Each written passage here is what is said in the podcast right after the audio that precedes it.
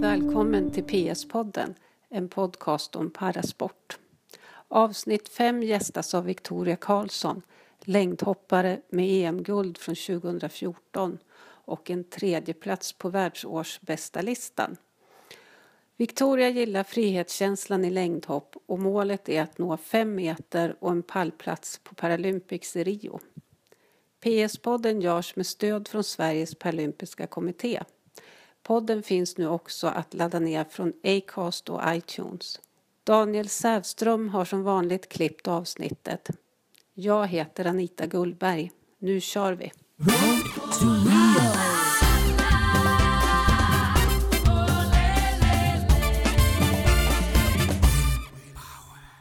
Hej Victoria och välkommen till PS-podden. Tack. Tack för att jag har fått komma hem till dig för nu sitter jag här i ditt vardagsrum. Ja. Jag tänkte vi skulle gå igenom lite grann av dina resultat, eller dina meriter kanske ska jag säga. Eh, du har svenska rekordet i längdhopp Mm. på 4,53 som du satte förra året. Precis före sommaren. Ja. Och sen har du också svenska rekordet på 100 meter satt i år. Ja, det var några veckor sedan, men på första utomhustävlingen där. Ja. Och det är dina huvudgrenar, kan man säga det? Längdhopp och sprint. Ja, det är ju framförallt längdhoppen. Eh, sen så är jag med på sprintgrenarna för att utvecklas i min hastighet sådär. För att bli bättre i längden också. Mm. Så det är väl mer som en kul grej. Mm. Det är ganska viktigt att vara explosiv när man hoppar längd. Ja, absolut. Det är en stor del av, av hoppningen att ha tillräcklig hastighet när man kommer fram till plankan. Så, Mm. Du är 18 år mm. och ändå så har du redan tagit 18 SM-guld. Ja, eh, det har väl lite att göra med att konkurrensen inte är så stor i Sverige. Jag har ju i princip alltid tävlat ensam här. Okej. Så det, det har väl med saken att göra. Men eh, det har ju funkat internationellt också så, så det är väl inte bara att jag är ensam som har gjort framgången. Nej, nej men för eh, på EM senast, ja, förra året på EM, då tog du guld. Ja, Och tog silver på EM innan och på VM däremellan blev du fyra. ja, Ja, så du tillhör ändå eliten i världen i din klass. ja, förra året låg jag trea på världsårsbästa listan. Mm. Ehm, efter alla tävlingar 2014 då. Mm. Så um, jag har ju tagit mig en bra bit upp men det finns mycket kvar att göra. Ja. Eh, och nu går du på idrottsgymnasium här i Bollnäs. Mm, Har ett år kvar om jag förstått det rätt. precis, Mm. jag har precis slutat andra året. Mm.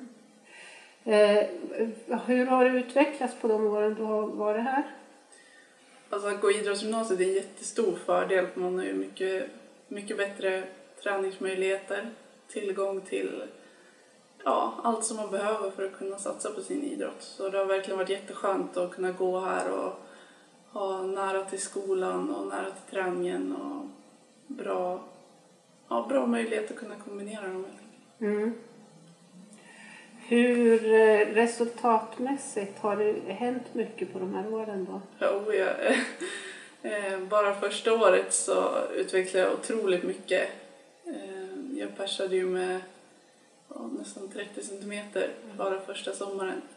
Och det har verkligen, jag har fått en jättebra tränare här i Bollnäs och det har hjälpt mig otroligt mycket. Mm. Är det Per Jonsson Mm, precis. som själv är paralympier? Mm, Ja. hoppar också längre. ja. Eh, jag tänkte vi ska prata lite om din funktionsnedsättning Mm. också. Vi, kan du berätta vad det är? Eh, Jag är blind. Mm. Jag blev det när jag var fem år ungefär. På grund av att jag hade cancer på näthinnorna. Ja, okej. Så du, du ser ingenting alls, eller? Ingenting. Nej. Inte ljus eller mörker Nej. eller nej. Eh, och, men du började med idrott ganska tidigt. Mm, jag var sju år, Ja. så jag har hållit på ett bra tag nu. ja. Vad, hur hur kom det sig? Ja, alltså att det blev just friidrott var väl egentligen en slump. Eh, mina föräldrar ville att jag skulle börja med någon idrott för att jag hade sån otrolig överskottsenergi. Så jag höll bara på att springa runt hela tiden hemma och var, liksom, klättrade på väggarna. Så då, då ville de att jag skulle börja med någonting och så hade de väl avsett lite olika klubbar och sådär men det var lite åldersgränser och ja, lite sånt där som var i vägen. Så till slut så blev det friidrotten för det var de som ville och kunde ta emot mig Ja. helt enkelt. Ja. Så på den vägen var det och sen så har jag ju testat en massa idrotter sen dess men jag har alltid hållit på med friidrotten på sidan av liksom. Och eh, nu är det ju bara friidrott. ja. Hur kommer det sig att det blev just längdhopp och, och sprint kan man säga också? Då? Ja, första träningen så var det väl ingen som trodde att jag skulle hoppa längdhopp direkt. Det hade väl inte mina föräldrar eller tränarna tänkt sig utan de tänkte väl att jag skulle springa eller stöta kula eller något sånt där Ja. lite mer vanligt. Ja, just det. Men eh, jag tänkte väl att jag ville testa liksom så jag tog väl en trestegsansats och höll min ledsagare i handen och ja, Och hoppa. ja, och hoppade. Och eh, sen så utvecklades det helt enkelt och jag tyckte det var kul. Och sen så ja, blev jag äldre och jag började springa själv och tog längre ansats och så hamnade jag här. Mm. Vad är det med längdhopp som, är, som, ja, men som du gillar? Ja, alltså det är den här känslan av att, av att hoppa liksom, att, att bli lite som att flyga ett tag typ. Eh, ehm, nej men dels är det ju häftigt för att det inte är så vanligt. Det, så känns det, ja, det, det är kul att kunna Eh, till skillnad från när man springer sprintgrenar och sådär så måste jag ju hela tiden ha min guide med mig. Mm. Eh, Men i längden så får jag ju springa själv och det är också en stor frihetskänsla. Mm.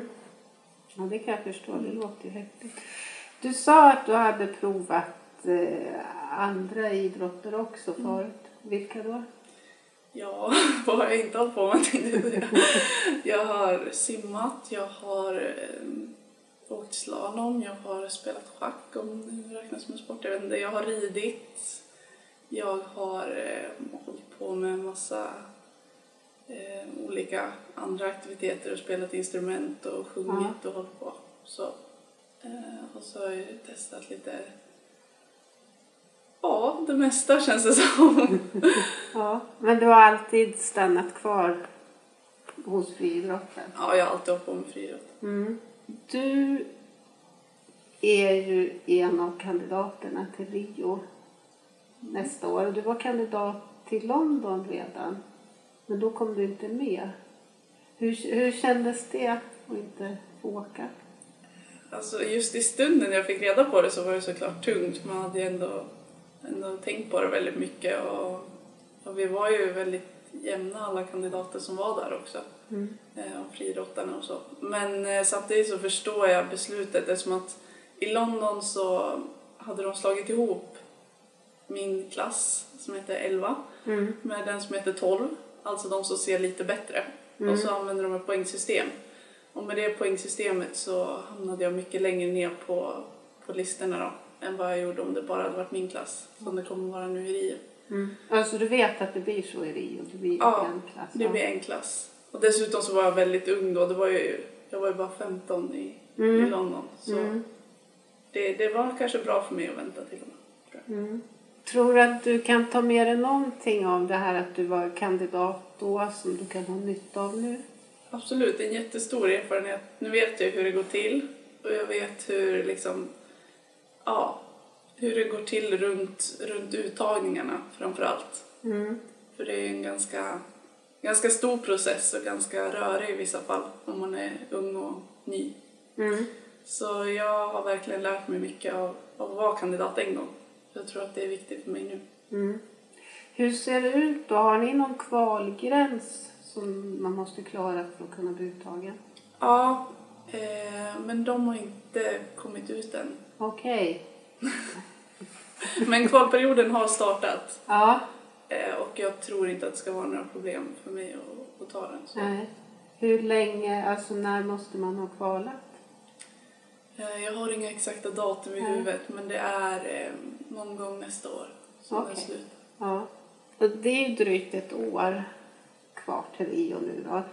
Och i år så är er stora tävling i VM som går i slutet av oktober va? Mm. Mm. Så hur ser din uppladdning ut nu inför VM? Det blir en ganska speciell säsong eftersom att det ligger så pass sent. Mm. Tävlingen är ju i den period då vi i vanliga fall eh, har gått in i grundträningen och haft vår viloperiod. Så man får verkligen lägga om träningen på ett helt nytt sätt Mm. eh, och förlänga säsongen. Så det har väl gjort lite att jag inte har tävlat så himla mycket nu i maj och juni som jag kanske brukar göra.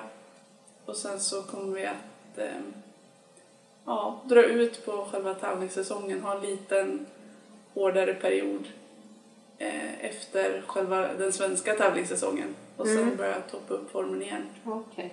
Vad har du för tävlingar? Vad är det för svenska tävlingar? Eh, det är en hel del här runt omkring lokala tävlingar och sen så har vi även eh, vårt para-SM då Mm. som i år kommer att gå tillsammans med Svenska friidrottsförbundets SM Mm. i augusti så det kommer bli riktigt häftigt. Mm. Blir det den sista stora utomhustävlingen innan VM eller har du något mer också? Som det ser ut nu så blir det det. Det kanske blir någon små tävling efter det men det blir den sista stora. Mm. Så att efter SM då börjar du ladda om igen kan. Precis. Vad har du för målsättning med VM? Eh, Jag har haft som målsättning att, att vinna VM och det Mm. har jag såklart fortfarande. Men jag hade en liten skadeperiod i vintras som gjorde att jag inte riktigt fick den träning som jag kanske kände att jag hade velat haft. Eh, Så nu känner jag att jag satsar på, jag satsar absolut på pallen och där, där ska jag vara. Mm. Eh, Om, jag, om jag inte händer något väldigt oförutsett. Mm. Mm, och jag har fortfarande guldmedaljen som ett mål. Men jag känner att jag kunde ha fått en bättre uppladdning för det. Ja, okej. Vad, eh, 2013 då när du blev fyra, hur långt ifrån pallen var du då? Jag låg trea till sista omgången. Så jag varit in omhoppad i sista hoppet där Ja. eh, med en decimeter ungefär. Så det var lite tråkigt men eh, på den tävlingen underpresterade jag också och eh, hade kunnat hoppa bättre själv så jag är sugen på revansch kan jag säga. Mm. Ja, men det kan jag förstå absolut. Eh, vad tror du krävs för att ta medalj? Ja. Just nu är det väldigt många duktiga som har kommit upp. Mm. eh, särskilt från Asien och Sydamerika. Så jag tror att det krävs ganska bra längder för att ha en medalj. Mm. Vi är några som har stuckit ut i toppen liksom, och gjort väldigt bra resultat. Eh, för att ta guldet tror jag att det krävs att jag tar personbästa ganska ordentligt. Eh, om det ska se ut som det har gjort hittills. Men eh, jag tror för medalj så mm, krävs nog hopp runt 4,40 kanske. Mm. Okej. Eh, känner du att du har längre längder i kroppen än vad du har gjort hittills? Absolut, det har verkligen syns på träningen och på mycket på långa övertrampshopp och sådär. Mm. Att det finns mycket att hämta. Sen ska man ju få ut det på tävlingar också. Men jag tror att det kan bli ganska långt i sommar. Vad, hur långt då? Eh, ja, jag har ju min drömgräns på fem meter. Men eh, jag har satt som mål den här säsongen att ta 4,80 och så fem meter nästa år. Okej. Ni har ju varit i Brasilien i år. Mm. Fast inte i Rio då utan i... Sao. Just det. På, på både träningsläger och tävlingar Mm. i, i april då eller något sånt.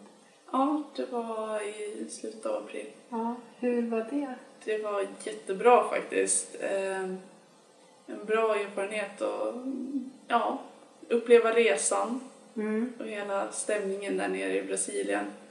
Även om det inte var rätt stad så får man ändå en liten uppfattning Mm. om eh, kultur och ja, sådär.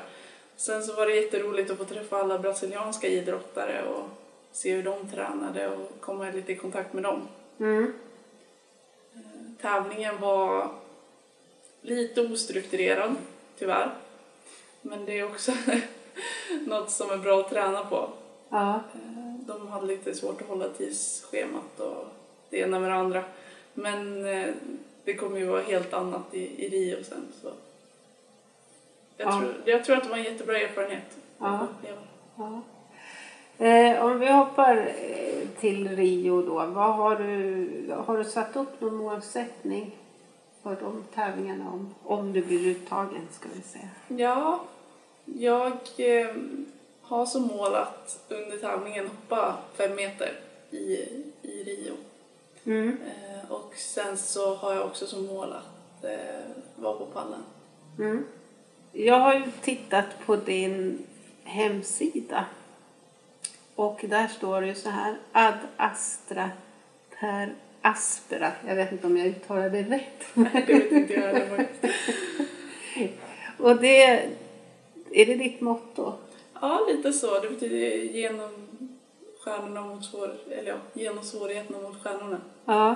Eh, och jag tycker att det är väl lite det tänket jag försöker ha när jag tränar och, och sådär. Att det kommer motgångar men om man tar sig igenom dem så, så blir det bättre. ja. Vad har du haft för motgångar idrottsmässigt? Alltså det är alltid skador som, som man drabbas av då och då. Mm. Det är alltid tungt. Eh, sen så motgångar på tävlingar och det går ju inte alltid jättebra. Och då är det skönt att liksom kunna släppa det och, och tänka att det går bättre nästa gång. Mm. Funkar det bra eh, att ha det här mottot? Kan du liksom plocka fram det då när du, när du har motgångar? Ja, jag tycker att det funkar att eh, ha, ha den inställningen. Mm. Mm. Nej, men för jag tänker en sak eh, när man håller på med idrott, det är också att kunna släppa när det har gått dåligt och, och gå vidare och tänka framåt. Mm. Ja, jag har försökt jobba mycket med det. Att, eh, att inte fastna i sånt som har varit utan att man ska se mot nya mål och acceptera att det blev som det blev. Mm. Man kan inte göra så mycket åt det i efterhand. Nu har vi pratat om lite grann om motgångar där, men jag bad ju dig innan här att du skulle tänka på vilka som har varit dina tre största idrottsliga ögonblick så här långt. Mm. Det, det första är ganska självklart med EM-guldet där i, i Wales förra året. Det var otroligt häftigt just när man stod där på prispodiet och, och spelades nationalsången och sådär. Det var, det var riktigt häftigt. Så det var nog ett av de största. Sen så måste jag nog säga att det var, att det var mitt första inomhus-SM. Då var jag nio år. Oj!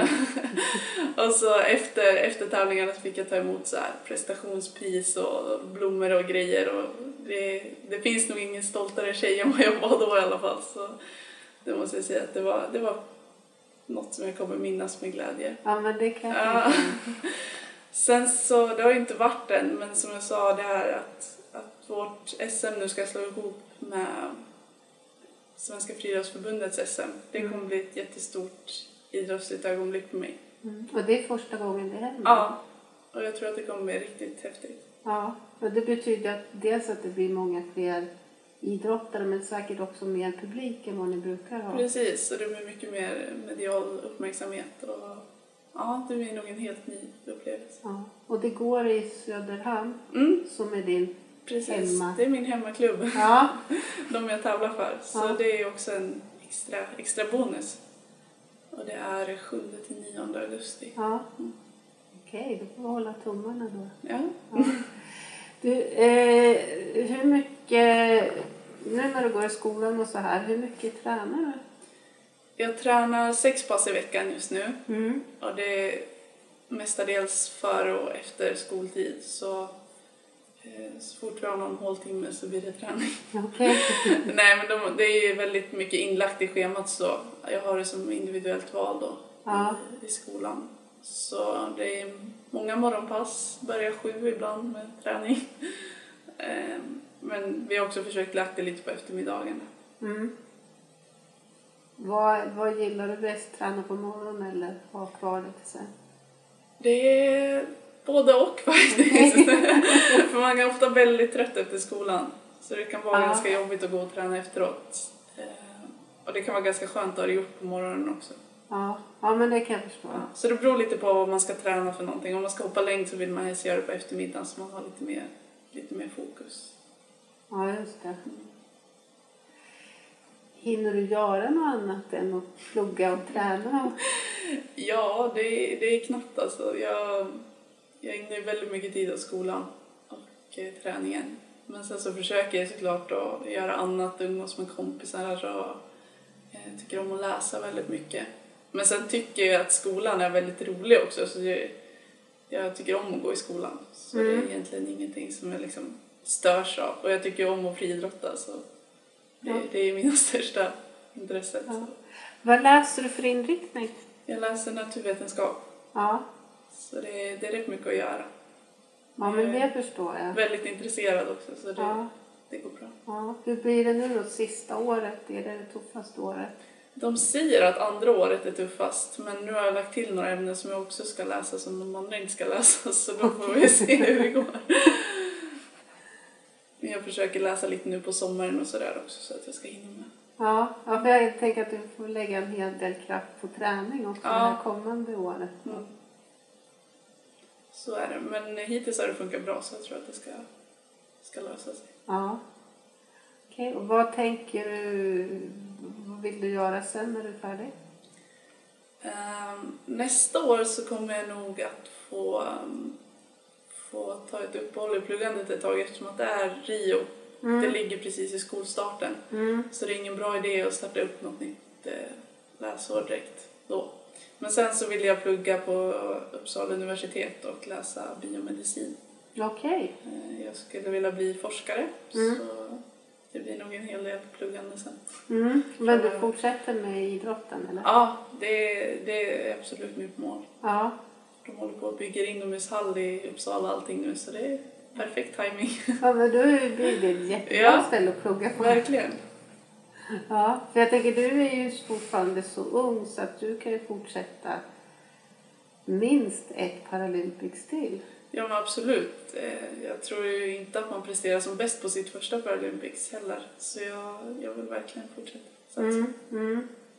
Känns det bra på det sättet då att, att kunna ha ett som du gör nu när du är ganska ung och så ändå kunna ha ett till att sikta mot? Ja, alltså jag tror att det är en jättebra erfarenhet om man gör ett Paralympics och sen kan det givetvis gå jättebra på det också men sen så tror jag att man kan ta med sig mycket lärdomar Mm. från det och göra det till något ännu bättre nästa gång. Ser du fram emot det? Ja. Okej Victoria, eh, är det någonting som du känner att vi inte har pratat om? Nej, jag tycker vi har varit rätt grundliga faktiskt. Ja, vad bra, men då stannar vi där. Tack ska du ha. Tack.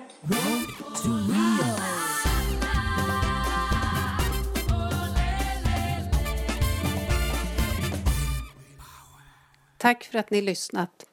Vill ni fortsätta följa Victoria fram mot VM och Paralympics så har hon en hemsida med adressen victoriakarlsson.se. Där finns också länkar till hennes Twitter och blogg.